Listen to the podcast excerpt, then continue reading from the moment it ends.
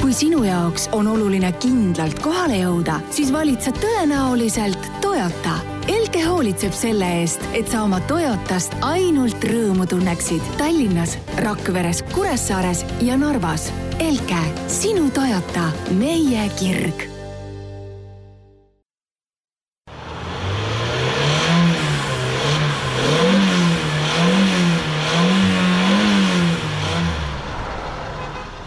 tere ja kena kolmapäeva, äh, istmesoojenduse aeg on taas ja täna meil äh, stuudios siin Veli jälle koos minu ja Anniga. ja hakkame võtma selliseid meeste teemasid ette. Äh, kõigepealt räägime Järvevana tee tõmblukust ja, ja sellest liiklusmärgist, mis siin Liiklusjärelevalve Keskus välja tõi, et eestlased ei saa sellest märgist vist midagi aru. ja, ja tegelikult on ka see niisugune probleem, mida mina ise olen väga pikka aega ja ma kuulsin, et Veli on ka siin vaadelnud. loomulikult, eh, kuidas me saaksime mööda vaadata Tesla uuest elektrisõidukist, mis, millega see on kõvasti nalja juba saanud ja, ja millega on, on ka arutletud selle üle, et kas see on üldse võib-olla mingisugune turundustrikk või et kas see on päris auto äh,. räägime Eesti aasta autost, mis ära valiti äh,, kes siis veel ei tea siis äh, saab teada, mis auto see on, ma seda praegu ei ütle, sellepärast et muidu teil ei ole mingisugust äh, soovi edasi kuulata, sest et see on ikkagi tänase saate põhiteema. Äh, proovisõiduautoks oli sellel nädalal, või noh, mitte sellel nädalal, aga sel nädalal me räägime Porsche üheksa üks ühest, see, miks ma toonitasin seda, et sel nädalal ei olnud, et meil oli juba kõvasti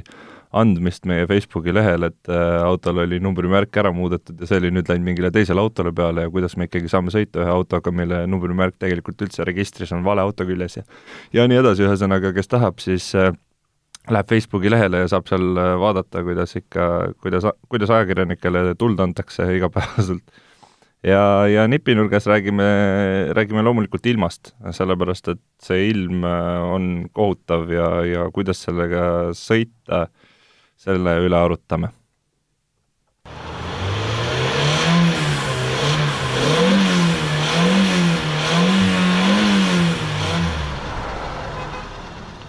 nii, tere Veli! tere hommikust! saad ka lõpuks tere öelda äh, kui me võtame siin kohe ette, esimene teema on see päris kõvasti kirgi küttev teema, see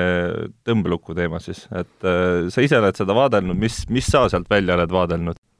No kirgiküttev teema selle kohta on õigesti öeldud, et äh, siin äh, vist üle-eelmine aasta sai tehtud isegi asjakohane video koostöös Maanteeametiga,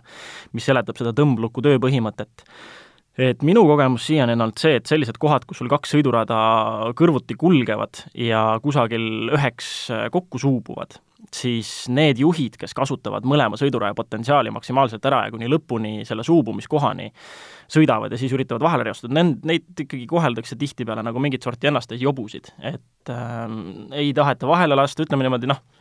mõni aasta tagasi oli see stiilis ikkagi neli-viis juhti lihtsalt hoidsid eesseisva autoga mingisugust viieteist sentimeetrist vahet lihtsalt selleks, et mitte jumala eest vahele lubada. et sa jumala eest ei jõuaks enne teda, sest tema kogu selle aja seal, seal rivis ootas aga noh, kuidas ma siis seda nüüd ütlen, et äh, kaks sõidurada on ehitatud ikkagi selleks, et neid rakendataks maksimaalselt, tõmbluku põhimõte ongi, on ju see, et sa kasutad mõlemad sõidurajad ära, sa jagad liikluse võrdselt nende kahe vahel ära ja siis toimub lõpus täpselt suubumiskohal, mitte enne, mitte pärast, mitte kusagil keset poolt rada, äh, toimub see üle ühe vahele laskmine. Ja seda ei õpita ära, sest ikkagi, kui mina sealt Järvevana pudelikaalast, see on lihtsalt kõige parem näide senimaani, kui ma sealt läbi sõidan, siis jällegi on see, et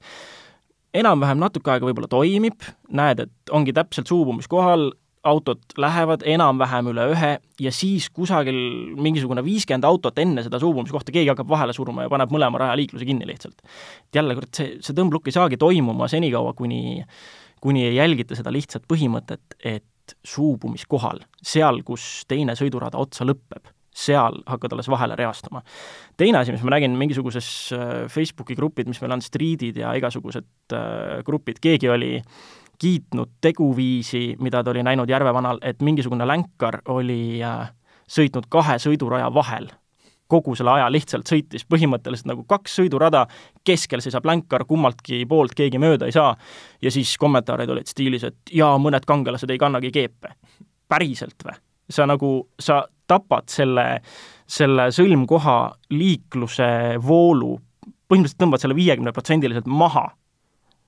see ongi nagu... see sõiduradade maksimaalne kasutamine? jah, sõiduradade maksimaalne kasutamine ilmselgelt, see on ette nähtud selleks, et länkari vennad mõlemale sõidurajale ära mahuksid. aga no tegelikult see on ka ju probleemne koht, et kui, kui me vaatame, siis seal tuleb ühelt poolt rida, on ju, teiselt poolt tuleb ka rida ja need peaks nagu enam-vähem, ütleme, saja meetri peale kokku suubuma veel, et see on nagu keeruline koht, aga jah, muidugi see Järvevana tee seal on ise ka nähtud selliseid asju, et äh, kus keegi näiteks ongi seal vasakpoolsel rajal, mis sinna suubub, ja sõidab lihtsalt edasi sealt täiesti, et seal on tegelikult ruumi on, seal on küll ja. jooned maha tõmmatud, et sealt nagu ei tohiks edasi sõita, aga, aga ma olen näinud mitu korda, kuidas keegi paneb lihtsalt mööda seda äärt sealt edasi ja jõuab põhimõtteliselt siis sinna äh, kahe, kahe rajaga osaleja juba välja siis rahulikult. jah, neid robuka vendi on ka muidugi, kes niimoodi teevad ja täpselt selliste pärast jällegi teistpidi ei saa see tõmblok kuidagi töötama. põhimõte jällegi paberil teoorias igatepidi töötab, aga kuni ei muutu juhtide suhtumine nendesse, kes, kes seda vasakut sõidurada samuti ära kasutavad,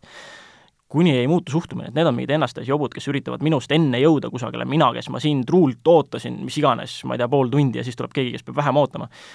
no see, see enda ninast kaugemale vaatamine on see probleem selle, selle juures, miks see ei, ei toimi siiamaani. et võiks võtta kokku ennast ja aru saada, et kui on kaks sõidurada, täidame need võrdselt autodega, ummik on lühem, jah, sina võib-olla, kui sa seal paremal oled, siis sa võib-olla ootad veidikene kauem, aga lõppkokkuvõttes kogu liiklusvool selle võrra paraneb, et natukene üritaks oma ego siin võib-olla alla suruda ja seda iseõigust ja mõelda sellele, et äh, üldjoontes, kui see asi selgeks õpitakse, siis see liiklus muutub seal sujuvamaks ja lõppkokkuvõttes hakkad ka sina, kes sa seal paremas, paremal rajal oled ja vahele ei lase, varem jõudma tagasi koju või kuhu iganes sa lähed no,. ma tooksin omalt poolt siin veel midagi välja, et äh, ma töötasin eile päris kõvasti kommentaare läbi, mis erinevates kanalites äh, selle loo peale siis olid äh, tekitatud ja ja, ja see, mis sealt välja tuli, oli tegelikult see, et see see probleem, mida Eesti liikluses muidu ka näha on, et äh, inimesed ei oska mõelda ette rohkem kui ütleme, kaks sekundit. et sa ju tead, et äh, noh, ütleme valdav osa nendest inimestest, kes seal sõidavad, nad tegelikult ju teavad, et see koht on seal. sa mhm. saad äh, selleks ajaks, kui sa jõuad sinna liitumiskohta, sa saad jätta sellise vahe sisse juba, et kõik see liitumine toimub sujuvalt ära ja ei ole mingit probleemi, on ju, et see ei tule sulle üllatusena, kui sa sinna satud, et aa, mis mm -hmm. asja, et siin on nüüd see rida kaob ära ja siit hakkavad inimesed vahele tulema et sõida rahulikult, kui sa jõuad sinna välja, jätagi niimoodi, et oleks üks, üks auto mahuks sinna vahele ja, ja siis sõida edasi, et aga, aga samas on ka, muidugi see on probleem, et tihti tuleb sealt kaks autot vahele, et ei ole ainult mm -hmm. see, et need, kes need, kes vahele ei lase, on jobud, vaid vahel on ka need vaheletulijad ikkagi jobud et äh, kui tuleme vahele, siis tuleme ikkagi ühekaupa ja üritame sujuvalt tulla, et äh, need on nagu need mõtted, mis, äh, mis kõigil peaks peas olema, et, et see liiklus nagu paremaks muutuks meil mm. -hmm. ja soovitus nendele paremas, paremas rajas olijatele, kes, kes jumala eest vahele ei lase, minge proovige mõnikord ise ära ka see, olla teine pool selles situatsioonis. minge proovige seda tõmblukku kasutada nii, nagu see ette nähtud on, mitte nui neljaks, ärge passige seal, seal parempoolsel rajal mingisugust Äh, megapikka aega. minge proovige ära, kuidas on teiselt poolt minna, kuidas on vahele reastuda, proovige seda teha võimalikult sujuvalt, nii et te kujutate iseennast selleks parempoolseks vahelelaskusse autojuhiks ja üritage seda teha nii, et ei aja seal kedagi närvi ja proovige ära, kuidas see asi töötab ja päriselt see, see tegelikult töötab, kui, kui inimesed võtaksid lihtsalt natukene, natukene tõmbaksid enda ego tagasi. Jah, järgmiseks teemaks on see, et ilmselt kahesajal tuhandel inimesel on juba sellest äh, pidevast ootamisest vaheletrügimisel kõrini ja nad on endale tellinud selle Tesla Cybertrucki, mis on lihtsalt nii, äh, nii tugev auto, et sa lihtsalt surud ennast sinna vahele. Et äh, kes videot on näinud siis esitlusest, siis peksti seda vasaraga, visati metallist mingite kuulidega vastu akent, muidugi pettumuseks või, või nii-öelda üllatuseks oli see, et, et see klaas ei pidanud sellele kuulile vastu, kuigi äh,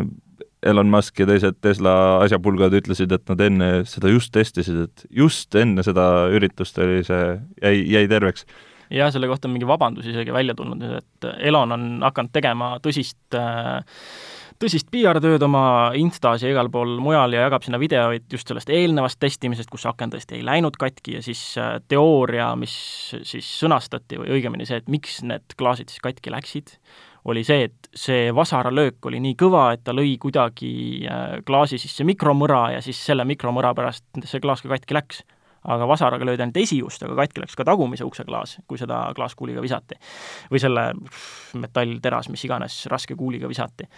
et selle koha pealt äh, noh, mm, jah, selge, siis vabandage, aga kui see asi ei olnud piisavalt eelnevalt läbi harjutatud, läbi mõeldud, et siis noh, siis tuleb arvestada, et tuleb nüüd järgnevad kuu-paar keskenduda selle, selle toreda pekkimineku silumisele. No ütleme, et selle üle võib siin spekuleerida ma arvan, aastaid, et kas see oli, kas see oli PR-liigutus või mitte ja ilmselt Muski puhul on nagu väga keeruline seda öelda ka, et kas see päriselt emba-kumba oli, et vabalt võib olla, samas vabalt ei võinud -hmm. olla, aga, aga räägime hoopis millestki muust ja räägime selle auto välimusest, et see on nagu kõvasti, kõvasti arutluse all olnud, et mõned inimesed on öelnud, et see näeb välja nagu mingi täielik, äh, ma ei tea, kohvikann või mingi lihtsalt mingi terasplönn, mis noh, on... see auto, mis ma nelja-aastaselt joonistasin, kui ma esimest korda pliiatsi paberi kätte sain, on ju. mis sa arvad, kas sinu arust on see kena auto või, või kas see võiks tänaval näha seda autot ja mõelda, et tegelikult on lahe auto? no üks asi on kindel, kui tänaval näha, siis tagasi või noh, järele sellele autole vaataks ikkagi kindlasti. et mis põhjustel, selles osas ma olen veel veidike segaduses, sest see on tõesti väga ebastandardne. Aga noh, jällegi, kui lugeda seda PR-möla, on ju, siis saab aru, et äh, jah, et see on selleks, et see, kõik need sirged jooned ja hästi niisugune nurgeline välimus, et see on ikkagi aerodünaamika jaoks ja materjalide vastupidavuse jaoks ja kumeramalt töödeldud teras ei peaks niimoodi vastu ja äh, üks asi, mis, mida tuleb kiita selles mõttes, on see, et nad on äh, lahendanud selle pick-up'ide igikestva mure, et noh, pick-up'iga sõitmine on kui seal ei ole asju sees, on põhimõtteliselt nagu avatud langevarju enda järel vedamine. et vähemasti see, et nad selle pick-up'i tagumise osa siis niimoodi sujuvalt ära katsid, et noh, tubli-tubli. selles osas, selles osas saab, vähemasti mingi osa sellest disainist on õigustatud, muus osas ikkagi jah, eks see vajab minu jaoks ka pikalt harjumist, et see on nurgeline nagu mingisugune kaheksakümnendate äh, nägemus superautodest, mis peaksid tulema stiilis praegu jah, see meenutab mulle natuke nagu keegi oleks üritanud sellest äh, DeLoreanist teha pickupi või kuidagi niisugune hästi kandiline, aga noh, ütleme, võib-olla saab ka see kuidagi mingisuguse praktilise väljundi, et ma ei tea, mis meil siin äh, järgmise kahekümne aasta jooksul maailmas toimuma hakkab, aga võib-olla meil ongi vaja neid äh, kuulikindlate klaasidega ja, ja, ja ütleme, purunematuid autosid. jah, ja no kiituseks võib-olla öelda seda, et, et ma olen ka alati olnud koolkonnas vorm enne, või siis vabandust, funktsioon enne vormi, et et äh, funktsioon, mille dikteerib vorm, on toredam kui mingisugune ilusa plasaka joonistamine, siis üritada kuidagi vägistades see toimima panna kõigis oma ülesannetes. aga nüüd äh, räägime ühest palju mõistlikumast ja palju äh, inimlikumast autost, see on siis Eesti aasta auto, mis valiti reedel ära ja selleks sai Mazda kolm mm. -hmm. Kuidas see sinu seal valikute skaalal Mazda kolm äh, minu valikute skaalal oli niimoodi, et esiteks oli väga selge nii-öelda tagumine kolmik ja esimene kolmik, nüüd jällegi taustaks, kes ei ole eelnevaid saateid kuulanud äh,, artikleid lugenud, kokku oli siis kuus finalisti ja selge oli, väga, vägagi selge oli see, et tagumine kolmik saab olema siis äh, RAV4, BMW kolmas seeria ning Audi e-tron aga esikolmiku osas ei olnud enam nii kindel. minu esikolmik oligi niimoodi, et kolmandal kohal oli Mazda kolm, teisel kohal oli Kiia Exceed ja esimesel oli Renault Clio. Äh, põhjustest rääkisime juba eelmises saates, aga Mazda kolme puhul oli see, et äh, esikolmiku omadest ta oli niisugune kõige, kuidas ma ütlen, ta ei olnud minu jaoks nii, nii särav ja positiivselt üllatav, kui seda oli Renault Clio. et Mazda on oma kvaliteeti siin ka järjest üles tõmmanud ja see, et nad suudavad maha saada väga mõnusa ja sõidetava autoga, ei olnud enam suur üllatus. Äh, samas jällegi, proovisõidupäeval, kui kõiki autosid valiti, sain, saime mina ja Uku selle Mazda kolmega vist teistest ajakirjanikest kõige rohkem sõita. Ja kaasa arvatud ka üks käänuline paralleeltee Tartu maanteega, mis läheb kuni Jürini välja. ja sai teda ka proovitud ja selle koha pealt olime me Ukuga igatepidi ühel nõul, et väga äh, kuidas siis öelda, väga kaasaarv sõiduelamus ikkagi. ja ka mugavuste osas ei ole seal äh, mingisuguseid kompromisse tehtud, et äh, selline laiem konsensus oli, et Mazda kolm on nagu BMW kolmas seeria, aga odavam ja mingit piirini isegi veidi mugavam, sest äh, nagu ka ma oma tagasisides kirjutasin autodele, siis BMW puhul oli ootamatu see, et äh, mis iganes seadistuses vedrustus oli ikkagi jäik ja mitte sportlikult mõnusalt jäik, vaid pigem ebamugavalt jäik. ja see oli selline negatiivne üllatus, seevastu Mazda kolmel selliseid negatiivseid üllatusi ei olnud üldsegi. ja see, see, kuidas see mootor käitub, äh, peaaegu kõigi ajakirjanike arvates oli noh, muudkui kostis äh, jälle vabalt hingav, vabalt hingav, et kuigi tal on mingi väga huvitav äh, kompressoriga ülelaadesüsteem tegelikult, siis ta käitub täiesti nagu vabalt hingav mootor. ja see jällegi lisas sellele sõidumõnule ikkagi korralikult, et selline äh, kuidas öelda siis, analoogile truuks jääv sõiduelamus mingit pidi. jah, ja kes sellest äh, huvitavast mootorist pikemalt tahab lugeda, siis Uku kirjutas sellest tegelikult ja see on nii, äh, nii Fortes kui ka Acceleristas on siis kui Mazda kolme otsida, ma arvan, et see tuleb äh, täiesti välja otsingust. aga, aga nüüd äh, läheme räägime hoopis maailma naiste aasta sportautost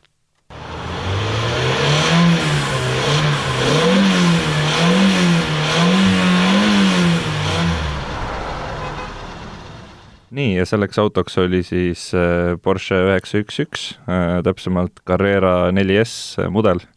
Äh, millal sa sellega sõitsid? minul õnnestus nüüd sellega sõita siis, mis see oli, natuke üle kahe nädala tagasi oli ta minu käes pika nädalavahetuse. ja see oli veel sel, sel ajal, kui ikkagi olid kuivad ilmad, aga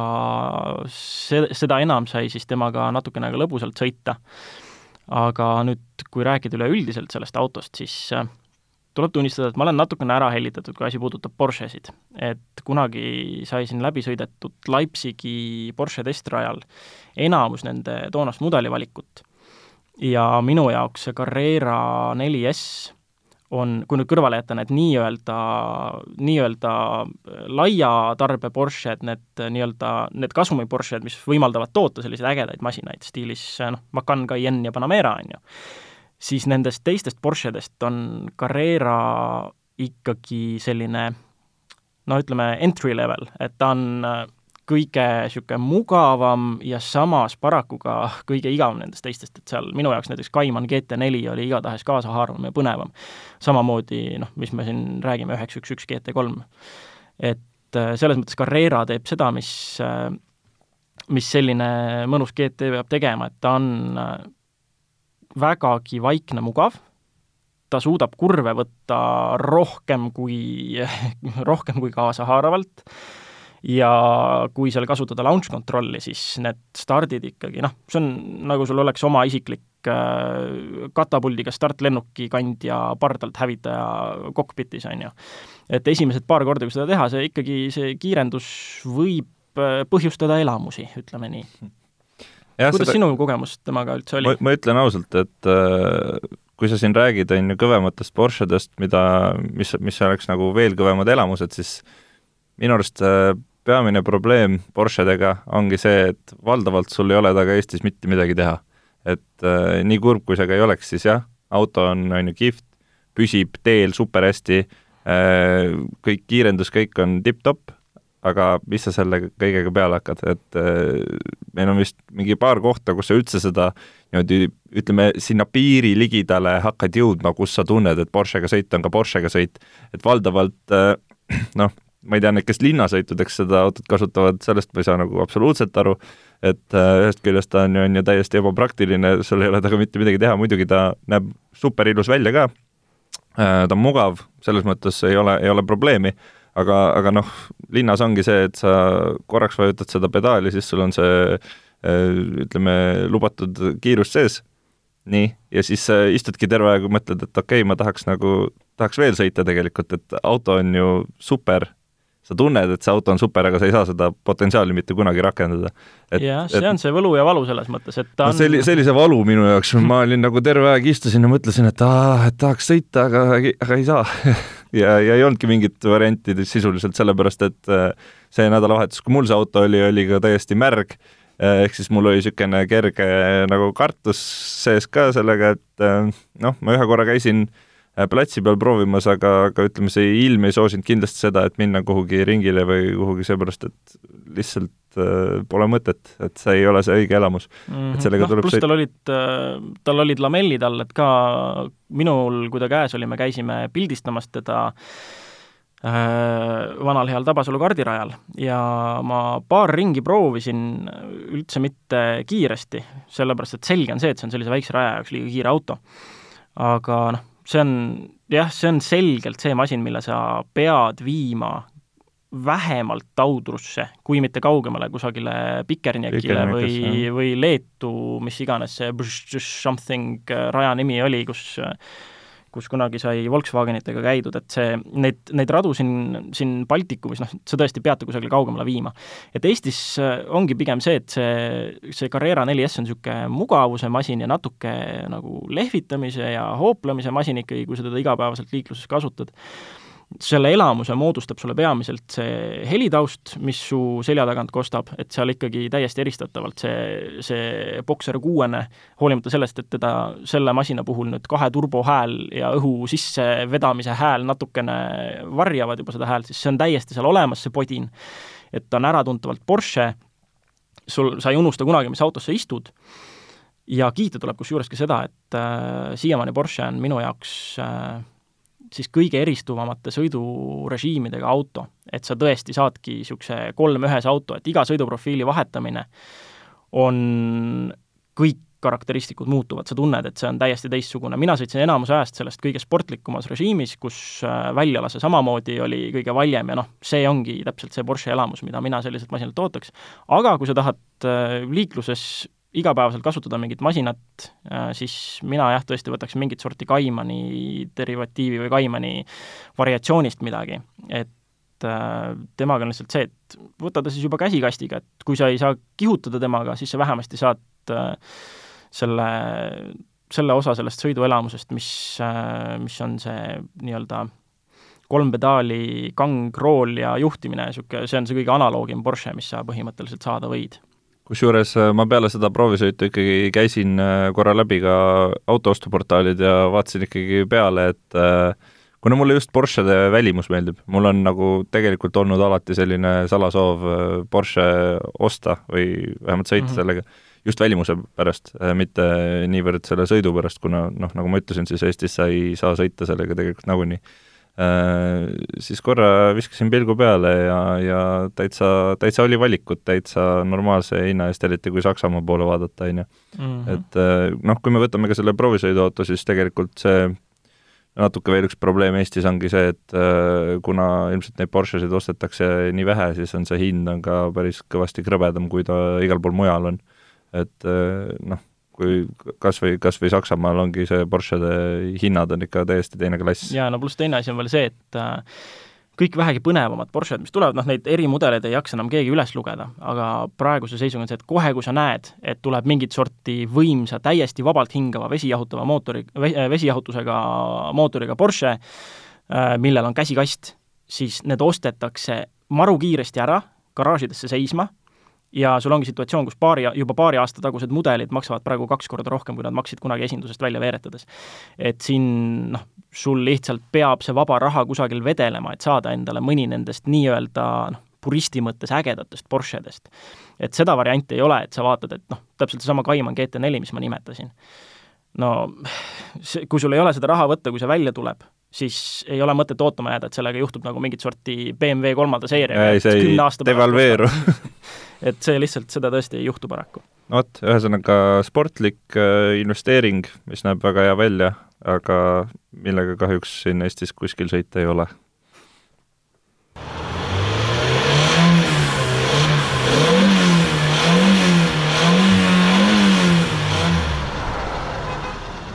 ja rääkides siin kiiresti sõitmisest, siis äh, kui me nüüd veel vaataks ilma ja läheks nüüd täna Porschega sõitma, siis oleks see asi vist veel hullem. et selles mõttes äh, sattusime ikkagi sellisesse peaaegu aknasse, mitte, mitte nagu sellesse kõige hullemasse. et äh, noh, nagu sa ütlesid, siis täna siia tulles noh, viis, viis sammu uksest välja ja risu tagumik maas. et äh, asfalt igale poole on põhimõtteliselt klaas, jah, linna sisse sõites, nüüd olid äh,, auto näitas pluss, vist pluss ühte, pluss kahte isegi kesklinna jõudes, et äh, linna jõudes juba teed märjad, aga jällegi, kesklinnas, ronin autost välja ja ikka paar sammu ja sa leiad selle libeda koha kusagil asfaldil. et selline mõnus äh,, mõnus libisemine igal pool, noh, autoroolis seda nii väga tunda ei olnud, aga, aga jah, siin kindlasti tuleb äh, hakata oma sõiduvõtteid äh, kohaldama sellele, et et kohe-kohe äh, varsti on käes need ilmad, kus äh, kus ei ole enam võimalik sõita sul mingit sorti kulunud suvekaga, nagu paljud äh, teevad. rääkimata veel sellest, et ma siin alles hiljuti jäi silma mingisugune masin, millel olid aasta ringi all siis naastrehvid, millelt olid lihtsalt naastud välja rebitud, et oleks nii-öelda koššer sõita aasta ringi sellise asjaga, et no kurat, praegu ei ole sellise, sellise asja ilm enam noh äh,, neli päeva on aega veel nendel, kellel on siin äh, rehvid on äh, vahetamata, aga aga